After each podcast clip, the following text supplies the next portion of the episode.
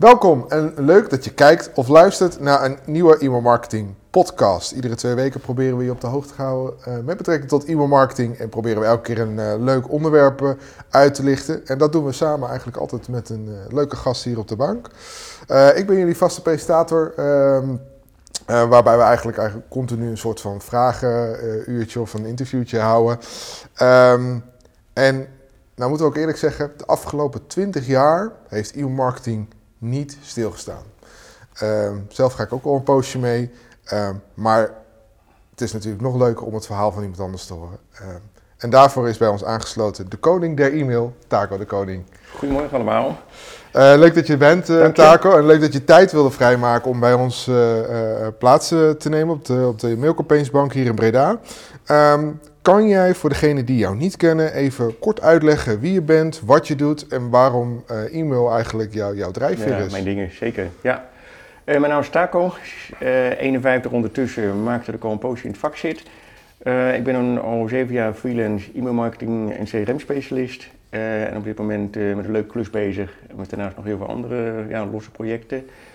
Um, en blijf het vak nog steeds ongelooflijk spannend vinden. Uh, en daarom vind ik het superleuk om hier vandaag uh, met jou te kunnen sparren en ook te kunnen terugblikken op uh, e-mailmarketing. Ja, ja, hoe ben je daar ooit ingerold? ik heb in 2002 een start gemaakt bij Centerparks als campagnemanager. En daar was e-mailmarketing net in opkomst. Uh, en daar heb ik het al heel snel uh, onder mijn hoede kunnen nemen. Uh, ik deed ook echt klassieke direct marketing. Dus ik heb ook heel veel postmailing, brochuremenings gedaan. Ehm, maar e-mail was een kanaal in opkomst. En ik vond het meteen superleuk. Dus ik heb waar ik het kon ook meteen naar me toe getrokken. En de resultaten die we daarmee boekten maakten ook dat ik dacht van ja, hier wil ik me verder in specialiseren. hier ligt de toekomst. Wat maakt het zo leuk? Uh, ik denk dat het de interactiviteit is. Je hebt heel snel resultaten. Je kan heel iets kleins uitproberen en dan meteen dingen optimaliseren. Uh, het is heel interactief met de online omgeving. Vroeger al, maar nu nog veel meer. En uh, het helpt echt om een verhaal te vertellen, vind ik. waarbij ik ook wil zeggen dat ik e-mail marketing nog mooier vind als je het laat samenvallen met andere dingen die je communiceert. En dat kan bijvoorbeeld zijn met uh, dingen die je per post stuurt of uh, dingen die per telefoon gedaan worden, je website, andere acties. En dan is het een onderdeel van een breder verhaal. Um, maar wat ik ook heel mooi vind is uh, e-mailmarketing die eigenlijk een beetje onder de radar zit. De meeste mensen denken vaak aan campagnemails of ja, hele gelikte nieuwsbrieven. Maar als je kijkt waar de volumes zitten in e-mailmarketing, dat zitten juist ook vaak in uh, bevestigingen, transacties, opvolgingen. Nou, ga maar na, als je iets bestelt bij bol.com of een andere, dan word je bijna plat gemaild van hij is verzonden, het is ingepakt, hij is bijna uh, in de vrachtauto, de vrachtauto staat bijna voor je deur. Dat is maar een voorbeeld. En ja, wat de, de leidraad eigenlijk is, is het persoonlijk contact met de klant. En uh, ja, mijn achtergrond is echt data. En het is juist die mix van uh, slim omgaan met je data, uh, dat koppelen aan e-mailmarketing, aan de juiste boodschap, goed personaliseren, dat is wat ik nog steeds superleuk vind. Ja, en wat begon dat daar ook mee? Toen je bij Sinterparks uh, Ja en nee. als je kijkt naar mijn ja, periode bijna 20 jaar terug, hebben we wel al veel gesegmenteerd, maar dan moet je vooral denken in doelgroepen als uh, families uh, met kinderen, uh, stellen, senioren, waarbij je je boodschap, denk aan de plaatjes, denk aan de tekst daarop aanpast. Maar het is verder vrij statisch geweest. wat je nu ziet is dat het veel meer interactief is en dynamischer en slimmer. Um, dus daar zit er zeker wel verschil in. Zie je dan ook een beetje het verschil toen het dus zo'n bijna 20 jaar geleden, dat e-mail maar een onderdeeltje was van een, van een marketeer? Of waren er toen ook al helemaal uh, specifieke specialisten? Nee, het was eigenlijk iets uh, wat je als marketeer erbij deed. En jouw taak was de campagne en dan was e-mail een uh, kanaal. destijds was het ook zo dat de kennis nog niet zoveel voorhanden was. e-mailtechnisch, ja, daar had je gewoon een bureau voor. Het is ja. ook niet zoals nu dat je veel sneller zelf een platform hebt waar je zelf aan de knoppen zat. Um, maar de inhoud, en dat vind ik ook wel leuk om kijkers mee te geven. En ik heb voor jullie uh, meegenomen een receptenboek. Nou ja, uh, ik vind okay. het ook heel leuk. Maar in de aanloop naar het gesprek dacht ik ook van ja, wat is nou een mooie analogie wat ik neem ik mee uit 20 jaar e-mailmarketing, is dat heel veel recepten uit het verleden werken nog steeds. En er is helemaal, helemaal niks mis mee. Uh, en daarmee kom je ook op, um, ja, wat is de basis van e-mailmarketing? Ja, dat is toch je data, goede klantdata en een goed verhaal. En een goed verhaal staat en valt met een goede tekst, een plaatje en uiteraard ook waar je naar doorlinkt. In die zin is er niet zoveel veranderd ten opzichte van 20 jaar geleden. Alleen je kan heel veel extra dingen natuurlijk doen om meer interactie en meer respons te krijgen. En um, wat ik ook het mooie vind aan een recept, ja, een recept is eigenlijk nooit af. Je hebt misschien uh, succesrecepten, maar je blijft altijd dingen verbeteren. Je voegt iets toe, uh, je haalt er misschien iets van af of uh, je maakt een variant ergens op. En ja, dat zou ik echt willen meegeven aan de kijkers. Kijk op die manier naar e-mailmarketing. Want wat ik ook in al die tijd dat ik nu in het vak zit, uh, nog steeds heel vaak zie, is dat mensen steeds hetzelfde recept gebruiken. Wat zonde is, ja. omdat je met soms kleine toevoegingen of aanpassingen een ja, veel mooier resultaat kan halen. Maakt het dat dan ook dat je denkt van hé, hey, binder dan dat, ik weet dat dit niet werkt, maar tijden veranderen ook. Dus het kan ook maar zomaar eens ineens zijn dat iets ineens wel werkt. Eens, ja. Uh, wat dat betreft, uh, de klant heeft altijd gelijk. Uh, het maakt ook uit welke doelgroep je natuurlijk hebt, of welke markt. natuurlijk heb je een aantal basics die je meeneemt, maar het is ook een valkuil, ook als je lang in het vak zit, om bepaalde best practices mee te nemen en te denken, zo doe ik het wel. ik zit ook nu een half jaar op een nieuwe klus. Het kost tijd om een database te leren kennen. Het zijn andere conversies, andere soorten van communiceren. Uh, en als dat eenmaal begint te landen, uh, dan begint het te werken. En e-mailmarketing is voor mij ook heel erg het spel tussen het verzenden, maar ook het analyseren van je gegevens. En dan bedoel ik niet alleen de kliks en de opens, maar juist wat gebeurt met die database. En ik zie heel veel focus bij marketeers die zeggen van ja, hebben we een goede open rate? Ja, dat vind ik helemaal niet spannend. Ik vind het veel spannender wat gebeurt er met de klant en nog spannender wat gebeurt er uh, over langere tijd. In plaats van dat je één losse e-mail bekijkt en ja. zegt van wauw, we hebben zoveel bereik of zoveel opens. Um, en ja, wat voor mij de uitdaging is in e-mailmarketing nog steeds, is een verhaal vertellen waar je de klant in meeneemt. Mm -hmm. En als je dat goed doet, uh, kan je veel meer mensen bereiken. En de, ja, wat me nog steeds oprecht verbaast, als ik het vergelijk met andere disciplines van marketing, want ja, ik heb ondertussen uh, toch aardig wat gezien en gedaan met online marketing. Maar om daar een, een 10% verbetering te halen binnen je budget, ja, dan moet je aardig wat doen als je dingen goed hebt ingericht. Terwijl bij e-mailmarketing nog steeds uh, zijn er stijgingen van 40, 50, 60 procent zijn echt mogelijk. Even afhankelijk van hoe vaak je dingen doorgetest hebt. Door juist op die verschillende elementen uh, dingen uit te proberen. Maar ook, zoals jij zegt Patrick, een open blik te hebben van ja, werkt het wel? En um, ja, dat is voor jou waarschijnlijk gesneden koek, maar um, ik val nog steeds terug op de basics van communicatie, maar ook e-mailmarketing, mm. die er bij mij zijn ingestampt als uh, ja, duidelijk marketeer bij Centerparks. Het is je database, die maakt voor een groot deel natuurlijk je succes uit, uh, maar ook in hoeverre je die kan uitbreiden met de mooie adressen. Het is je timing, dus wanneer verstuur je, maar ook je, je frequentie uiteraard. Daar is vaak veel meer te halen. Um, mensen zijn vaak ook nu nog heel erg behoudend met de mailfrequentie. Terwijl ik denk, ja, A, als je goede mailcontent hebt, uh, waar klanten of contacten blij van worden, kan je dat vaker sturen. En B, uh, maak het ook verschillend per doelgroep. Dus iemand die veel verder in de funnel zit, die wordt blij van mooie content. Terwijl iemand die nog aan het begin is, die moet je misschien wat terughoudender benaderen. Um, dan heb je de communicatie uiteraard. Dat is alles van tekst en beeld, uh, maar ook wat je online hebt neergezet. ja, en als laatste is het aanbod. En wat ik meestal zie is dat er veel naar het aanbod wordt gekeken of veel naar de communicatie, maar veel minder naar het timingstuk of het database stuk. En ik verbaas me echt oprecht dat nog zo vaak, ja, we hebben een nieuwsbrief en dan wordt elke week uitgestuurd op dezelfde dag. Dat was 17 jaar, 18 jaar geleden ook al. Exact. En eh, het, het, is niet verkeerd, het is ook wel goed om een ritme te hebben, maar je mist daarmee ook mensen. Als jij op donderdagochtend vroeg verstuurt en dan kan je getest hebben, dan heb ik de meeste mensen. Er zijn mensen die zijn dan gewoon druk of uh, moeten de kinderen naar de crash brengen, die hebben geen tijd om je mail te bekijken. En dat is ook wat echt wel anders is als je kijkt uh, naar 20 jaar geleden. technieken waren misschien wat minder verder ontwikkeld qua trucjes, qua mogelijkheden, maar er was veel minder spam. De inbox was veel minder vol, je kreeg veel sneller aandacht. Ja. En uh, als je nu s ochtends die mail verstuurd hebt, smiddags zijn er al zoveel mails overheen gesneeuwd, dan wordt die dus niet meer gelezen. Nee. Dan, en uh, er is dus een deel mensen wat je niet bereikt. En ja, wat ik uh, heel vaak wordt gekeken naar de mensen die reageren op een mail, die een bepaald vorm van interactie hebben. Nou, ik zou ook willen zeggen, kijk dan niet naar één mail, maar over een bepaalde tijdspanne. Maar eigenlijk is de groep mensen die niet reageert uh, veel interessanter. En je zal nooit iedereen kunnen bereiken. En er zitten ook mailadressen die, nou ja, ja bij spreken dood zijn.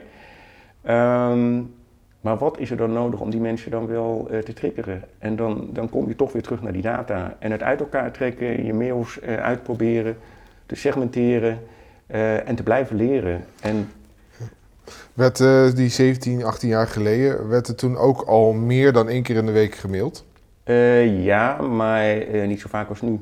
Dan had je bijvoorbeeld een wekelijkse nieuwsbrief en dan zeg je, goh, we hebben nu de Crazy Wednesday, dus sturen we wat uit. Of we hebben een actiemail, want we hebben de zomercampagne. Mm -hmm. En dan heb je meestal die start van de campagne, let op, het is nog zeven dagen, van denk eraan, het is nog drie dagen.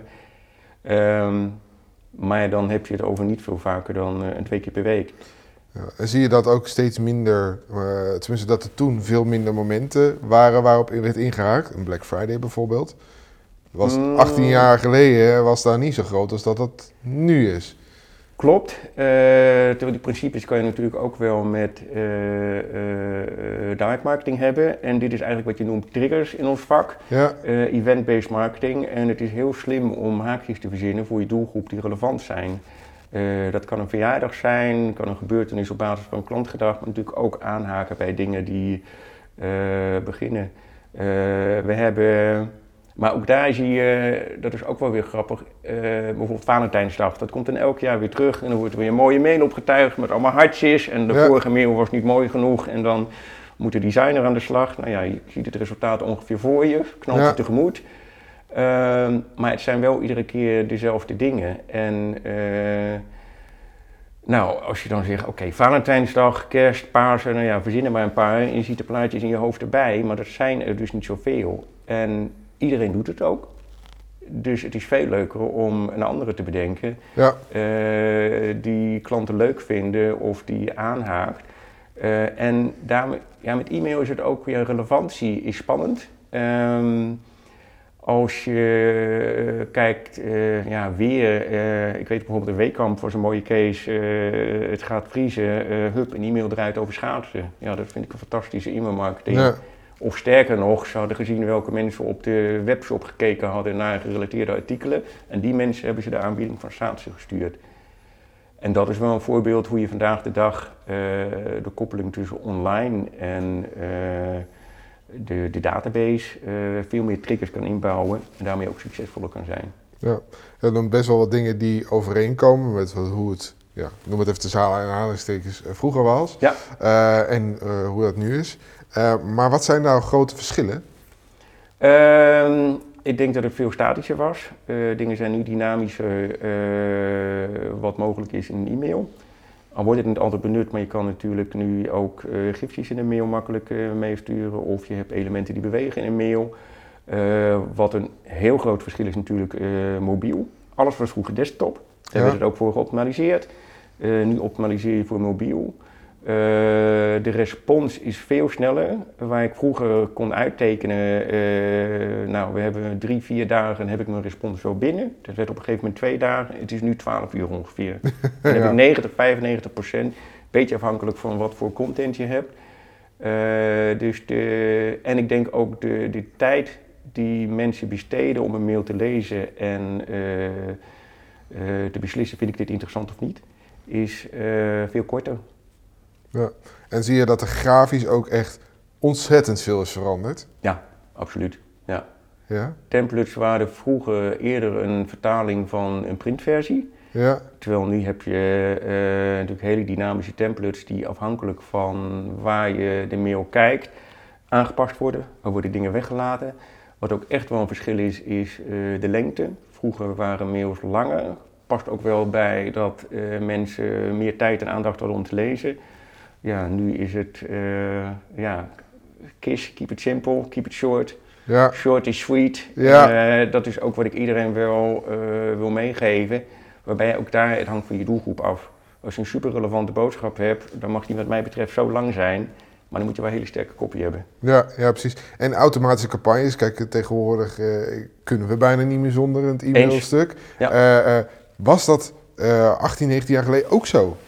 Eh, nou, in zoverre de gedachte was er wel, maar we moesten zelf eh, vervolgens eh, de respons selecteren en daar weer op acteren. Dus dat is niet automatisch, maar wel een stapje in die richting.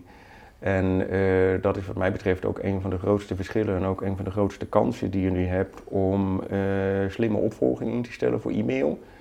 Waarbij ja, kijkers ook zou willen meegeven, het is goed om bij de basis te beginnen.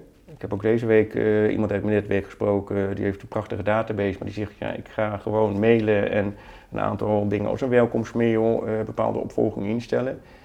Maar als je de basis eenmaal hebt staan, is er vaak zoveel meer uit een database aan te halen als je eh, ja, op basis van gedrag gaat eh, selecteren en eh, mensen benadert. En gedrag kan zijn een klik op eh, een link. Gedrag kan ook zijn mensen hebben drie keer geklikt of hebben drie keer geopend. En ehm, wat dat betreft denk ik dat eh, de techniek maakt heel veel mogelijk, maar eh, wordt nog lang niet altijd benut. En ja, ook bij grote bedrijven is het misschien ook wel onbekend, maar onbemind. Ehm, ik zie nog steeds grote verschillen in, het, in, in, in, in, zeg maar de markt wat ik tegenkom in hoe eh e-mailplatforms worden ingezet. Ja, en eh, toen dat, ehm, eh, het, onder automatische campagnes werden niet veelvuldig in het verleden gebruikt. Correct? Ehm, maar kwam dat dan voornamelijk omdat de ESP's gewoon daar nog niet Nee. waren? Nee, je hebt, je hebt jouw database. En ik heb een aantal fijne collega's die goede database selecties op segmenten maken. Eh, en die stuur je vervolgens eh, naar je eh, marketingbureau en die zegt, stuur alsjeblieft mail 1, 2, 3 en 4. Huh. Of taal, Nederlands, Belgisch en Duits. Dus dan heb je wel verschillende versies, dus segmentatie was er wel. Maar een automatische opvolging. En ik denk ook vooral wat een groot verschil is, de opvolging in tijd. Hoe sneller, nou ja, niet per se hoe sneller, maar ehm, de interesse, als mensen een bepaald interesse hebben, eh, dat wil je vasthouden. En als je dan twee dagen later bent, zijn ze misschien al met heel wat anders bezig. Ja, Dus als je dat snel kan opvolgen en eh, een boodschap hebt die goed aanhaakt bij het eerste, heb je gewoon meer kansen. En daar biedt e-mail ma- eh, automation biedt gewoon hele goede kansen. zie je ook dat het aantal ESP's op de Nederlandse markt echt veranderd is? Ja, absoluut. absoluut. Eh, we leven natuurlijk ook steeds meer in een platformeconomie. Ja. Eh, online eh, heeft een gigantische vlucht genomen. Ook de laatste jaren zie ik dat best nog wel veranderen. Ik vind e-mailmarketing toegankelijker worden. Dus ook voor relatief lage prijzen kan je als MKB-bedrijf echt mooie dingen doen. Terwijl vroeger marketing automation toch meer voor de duurdere pakketten was. Ehm, dus er is heel veel keus. En dan zou ik wel onderscheid willen maken tussen zeg maar, ja, bekende namen ehm, die internationaal eh, zijn en ook eh, Nederlandse platforms waar we gelukkig ook een aantal heel mooie spelers hebben. Ehm, ik zeg altijd, en ik krijg best wel vaak vragen van mensen uit mijn netwerk van joh, waar doe ik nou goed aan? Eh, er is geen goed of slecht in een e-mailmarketing tool, maar je moet vooral goed bedenken wat je ermee wil. Qua grote database, wat je ermee wil doen. Er zijn mensen die zijn al geholpen met een tool als La Posta. Oh, die dat zeg maar dus echt helemaal, helemaal niks.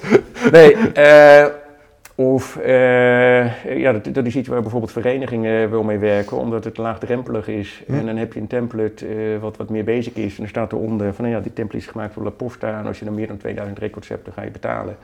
Mailchimp wordt heel veel gebruikt, maar er zijn ook wel mooie alternatieven voor.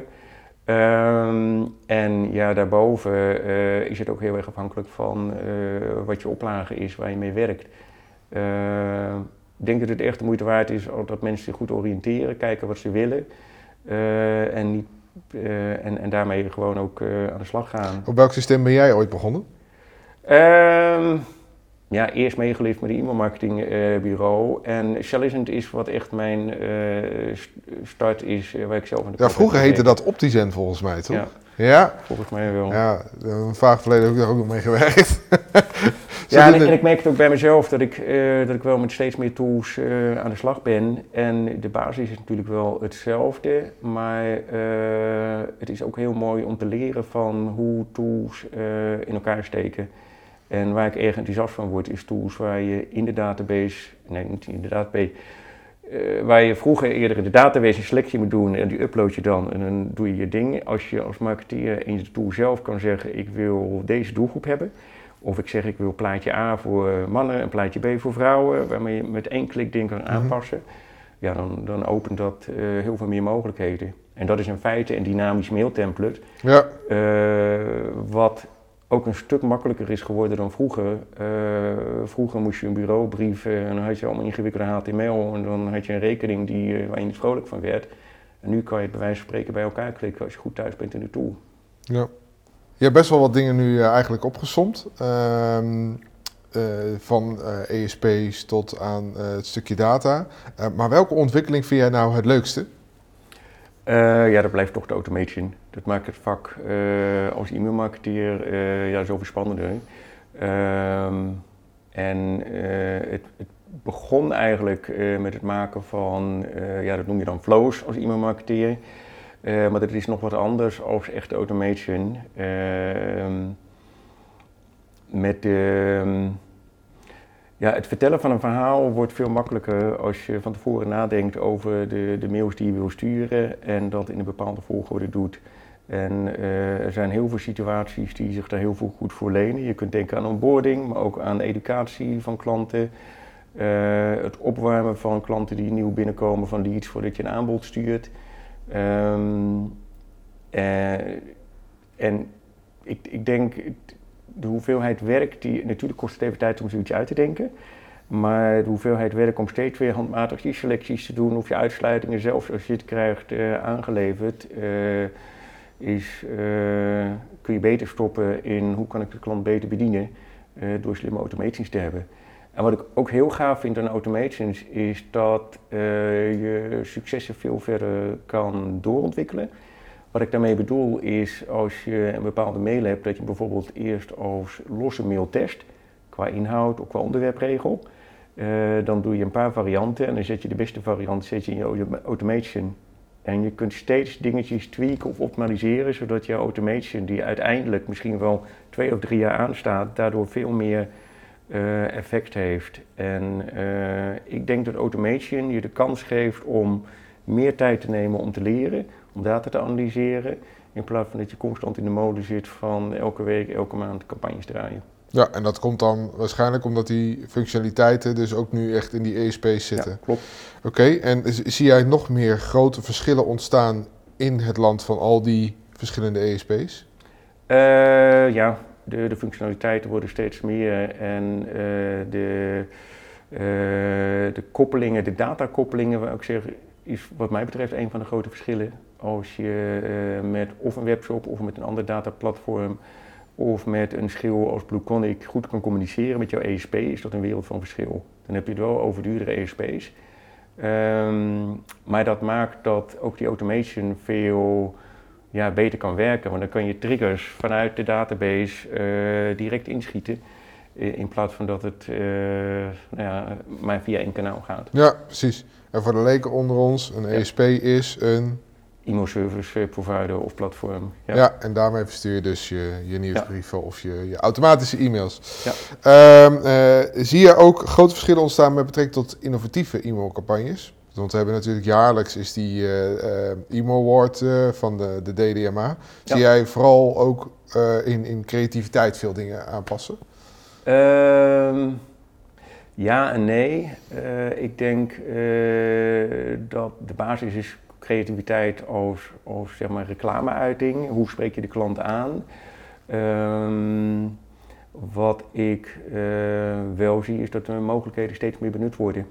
eh, en dat er slimmer mee om wordt gegaan. En uh, e-mailmarketing staat niet stil. Google AMP, nou ja, dat is ook weer een vakterm, maar de mogelijkheid om al binnen een e-mail dingen um, zo te maken dat je daar al bijvoorbeeld een boekingsformulier invult of andere dingen doet, in plaats van dat je eerst naar een website gaat. Het is heel mooi om te zien hoe e-mailmarketingbureaus en andere specialisten daarop inspringen en uh, dat uitproberen. Vind, vind, je dat daar al op ingesprongen moet worden? Uh, ja, maar wat je ook merkt is een stuk koudwatervrees. Uh, het kost best wel tijd om zoiets in te regelen, om uit te proberen. En als jij een, een, grote speler bent of een bedrijf, ja, je, jouw campagnes, jouw omzet moet gewoon lopen. Innovatie kost tijd. Innovatie is leren van fouten. Daar moet je wel de mensen voor vrij spelen. En een bedrijf dat een cultuur heeft om er ruimte voor te maken, zou uiteindelijk, uh, ja, wat mij betreft, beter uitkomen. Ja, precies, precies. Um, dat over het stukje e-mailcampagnes. Maar ja. um, we hebben natuurlijk ook vandaag de dag met zoveel online marketingkanalen te maken. Klopt. zie je ook dat, daar steeds, dat ze steeds meer naar elkaar toe groeien? Um, het ligt wel steeds meer in elkaars verlengde. Uh, wat ook absoluut een ontwikkeling, ja niet nieuw, maar wel van de laatste tien jaar is natuurlijk de beschikbaarheid van apps. Dat je vanuit uh, e-mail direct in een app-omgeving komt, dat die dingen met elkaar communiceren, dat je meteen op de juiste pagina komt. het wordt meer met elkaar verweven. En ook een website is, ja, is een relatief statisch iets, terwijl als je het hebt over een ja, dynamisch platform, content die afgestemd wordt op basis van de gebruiker. Dat je dus als gebruiker, jij zou het anders zien dan ik. Ja. Um, ja, dat geeft een hele andere ervaring. En, en, dat is wel waar ik zie dat het naar elkaar toe groeit. En uh, dat het als totaal bekeken wordt en niet als ik verstuur iets en ik kijk wat er beschikbaar is. Zie je dat die opt-in voor van die e-mailadressen ook steeds meer voor andere doeleinden wordt gebruikt? Um, Waar doe je dan op? Nou, bijvoorbeeld adverteren op social. Om daar een soort lookalike campagnes op los te kunnen laten. Ja, klopt. Waarbij dat ook nog wel een, een, grijs gebied is. Want het betekent ook dat je dus bestanden uploadt naar een ander platform. Ja. maar dat is zeker iets waarmee gewerkt wordt. Ja, ja. oké. Okay. Um, Naast al die vragen doen we ook altijd een aantal stellingen voorleggen. Ja. En die stellingen die krijg je van tevoren niet te zien. Nee, dat begrijp ik Dus um, dat maakt het juist nu heel erg leuk, want nu gaan we het vuur een beetje aan de schenen leggen. en dan ben ik benieuwd met jouw visie of, of kijk daarop. Um, en ik ga ze gewoon, ik heb er in totaal zes voor je.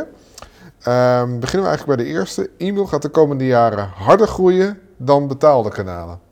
Eens. Ja? Kan je uitleggen waarom?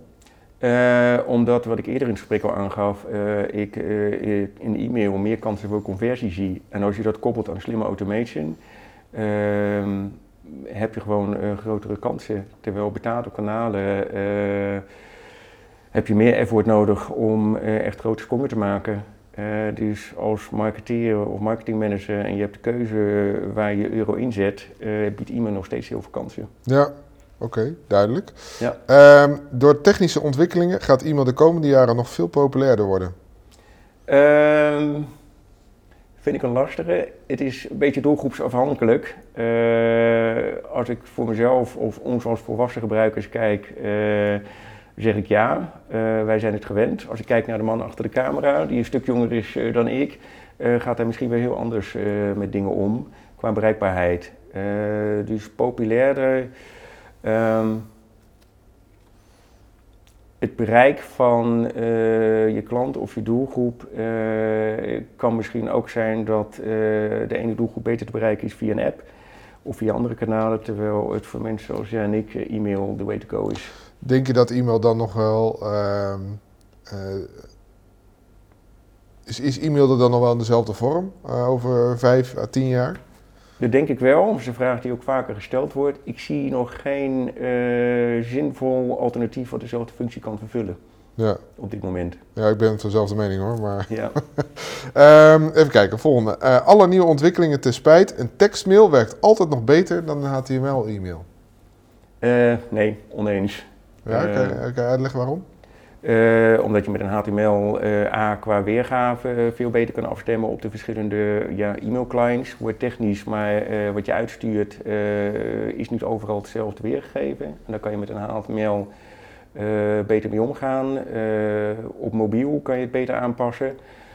aan de andere kant, afhankelijk van wie de afzender of de boodschap is, kan een tekstmail nog steeds heel goed werken. En zou ik kijkers zelf willen uitnodigen vergeet even alle tijd en moeite in een uh, mooie template, mooie plaatjes. Concentreer je op de tekst, concentreer je op de basis en uh, communiceer daarmee met je klanten. of een, een, een, een HTML light. dus, maar als ik een, qua conversie mijn, mijn weddenschap zou moeten plaatsen, ja, dan ga ik voor HTML. Oké. Ja. Duidelijke onderbouwing. Nederland loopt al jaren voorop in uh, Europa op het gebied van e-mailmarketing? Uh, ik denk dat het zo is. Uh, dat ligt ook wel in lijn met het online gebruik in Nederland, wat gewoon heel erg groot is. Dat zie je ook in andere internationale vergelijkingen. Ehm, het is wel zo dat als je kijkt naar Duitsland, Engeland zijn natuurlijk ook hele grote spelers wel. Maar qua innovativiteit, ook als ik kijk in Nederland, de kwaliteit van de e-mailmarketingbureaus die we hebben, de kwaliteit van de platform, die puur van Nederlandse bodem zijn. Uh, dat zijn er behoorlijk wat. Dus uh, ik, wat mij betreft een ja. Oké. Okay. Uh, eh, de meeste bedrijven sturen, beoordelen e-mails, te veel op conversie en te weinig op loyaliteit. Eens, ja. Ik ben blij dat je het vraagt. conversie is heel erg op het hier en nu. hoeveel nou ja, receptenboeken verkoop ik of uh, koelkasten, uh, mooie reizen. Uh, maar loyaliteit is, kun je eigenlijk verstaan als klantwaarde. Ja, dat is natuurlijk ook mijn pet als, als, als ja, CRM-marketeer. je gaat heel anders tegen je data aankijken als je kijkt wat is de optimale waarde. En in sommige businessmodellen bereik je dat misschien pas over twee jaar. En dan kan het zijn dat de eerste aankoop van een klant maar beperkt is, maar wel een stap in een totale waarde die groter is. Het is ook bijvoorbeeld zo dat uh, als je de keuze hebt tussen, uh, laat ik zeggen, 100 transacties voor een hele dure cruise mm. of 1000 transacties voor een uh, goedkope vliegreis, dan kan het zijn dat op termijn die goedkope vliegreis lucratiever is, omdat je die duizend mensen kan opvolgen. Ja. Ze hebben eenmaal een binding met jouw bedrijf en misschien gaan ze uiteindelijk van die duizend ook nog tien een cruise kopen. Ja, de rest ertussenin kan je invullen. Dus het lastige is uh, dat uh, wil je echt dat soort uh, lange termijn beslissingen nemen. als je het wilt testen, ja, je hebt niet twee jaar de tijd om te testen of iets werkt of niet. Maar ik zou kijkers willen uitnodigen, kijk in ieder geval wat er op kortere termijn gebeurt en zet ook verschillende lijnen uit. Kijk naar je verleden, zorg dat je dingen goed trekt en wees ook. Um, ja, creatief in het kiezen van je conversies wordt heel vaak gekeken alleen naar je SEO. Maar als jij zegt loyaliteit, waar blijkt dat uit? Uh, dat zit ook in andere dingen. En als jij loyaliteit meet ook al in hoe vaak komen mensen op een website, of uh, hoe vaak openen ze een mail, of hoe vaak kopen ze een showroom binnen. Denk bijvoorbeeld aan een autodealer. Mm -hmm. Dat betekent dat klanten zeg maar, warm gehouden blijven, worden en daarmee ook grotere kansen hebben om uh, ja, in de toekomst van waarde te zijn. En ik zou zeggen, zelf in deze tijd, uh, wat uitdagende tijden zijn natuurlijk met de coronacrisis, je ziet steeds meer een switch naar online. vind ik de, het behoud, de aandacht voor je database nog belangrijker dan vroeger. Oké, duidelijk ja. verhaal. en dan kom ik aan bij de laatste. Ehm, er zullen ESP's gaan verdwijnen op de Nederlandse markt? Uh, ik uh, denk dat uh, wat dingen uh, bij elkaar goed gaan worden op termijn. Ja? Omdat ontwikkelingen gaan heel hard. dat kost veel tijd en moeite om dat goed te doen. je ziet het ook bijvoorbeeld bij een partij als Tripolis. die nog wel bestaat, maar ook samengegaan is met een andere partij. En ik denk dat het in de toekomst meer naar, naar elkaar toe zou groeien. Dus dat is een, uh, ik denk een soort natuurlijke ontwikkeling. Je hebt als ESP denk ik een bepaalde klantenbasis nodig. Uh, en de markt staat natuurlijk niet stil. En uh, je hebt, ja, om relevant te blijven voor je klanten of vooral om nieuwe klanten aan te trekken, moet je aantrekkelijk genoeg blijven qua functionaliteiten. Ja. En als er meer keuze komt, wordt het lastiger. Ja, vind, dus, vind, ja. je ook, vind je ook dat er te veel ESP's zijn op de Nederlandse markt? Want je, echt, je hebt tegenwoordig echt honderden eh, systemen waar je voor zou kunnen kiezen. Eh, ja, eigenlijk wel. Eh, het is wel zo dat sommige ESP's natuurlijk erg gelinkt zijn aan bepaalde specialismen. Ik denk dat ze hele goede koppelingen hebben richting webshop. Dus ze hebben allemaal wel een USP's en een klantengroep die ze bedienen. Maar het zijn er veel en ik ben wel benieuwd hoe dat er over vijf of tien jaar uitziet. En als ik nu op langere termijn kijk eh, wat je krijgt voor wat je betaalt als klant, eh, hoe dat steeds meer geworden is per zeg maar, euro en je trekt dat door. Ehm, ja, kan ik me goed voorstellen dat klanten over vijf of tien jaar hele andere keuzes maken. Ja, En heb je het alleen maar over Nederland, ja, wie weet wat buitenlandse partijen doen. ja Dus, precies. eh, Oké, tot zover even de stellingen. Ja. Dan heb ik nog twee andere vragen aan je. Is één, hoe zie jij de toekomst nog met betrekking tot e-mailmarketing? Hoe gaat het zich ontwikkelen? Eh, ik zie e-mailmarketing nog heel lang als eh, een, een veld eh, waar we nog actief in kunnen blijven. Ehm, eh, maar wel lastig om verder te kijken dan een jaar of tien. Dus dat is hoe ik er naar kijk. Ja. En heb je nog een gouden tip voor de mensen die met e-mailmarketing Ja, starten? Mijn of- gouden tip is ja? absoluut blijf testen. Denk aan mijn receptenboek. Verbeter je recepten. Probeer verschillende recepten uit. Probeer nieuwe recepten uit. Eh, en ik wil iedereen eigenlijk uitdagen. eh, neem een uurtje elke week, elke maand. En kijk welke campagne neem je onder de loep. En eh, probeer dat 10, 20 procent te verbeteren op een bepaald onderdeel. En als je dat een jaar lang blijft doen, zul je verrast zijn over de resultaten. Ik denk, ik vind dat een hele mooie afsluiter. Dankjewel. Dankjewel Taco dat je wil langskomen. Ehm, en natuurlijk voor degene die luisterde of eh, keken, hartstikke bedankt voor het luisteren en dat je weer was ingeschakeld bij deze e marketing podcast. En wil jij nou ook eh, plaatsnemen op deze eh, bank en ook over e marketing praten? Het maakt even niet uit welk onderwerp. Laat het even weten in de comments of stuur even een persoonlijk berichtje. Ehm, vergeet niet te abonneren en te liken. En dan zien we jullie weer, of horen we jullie weer bij de volgende. Hoi hoi.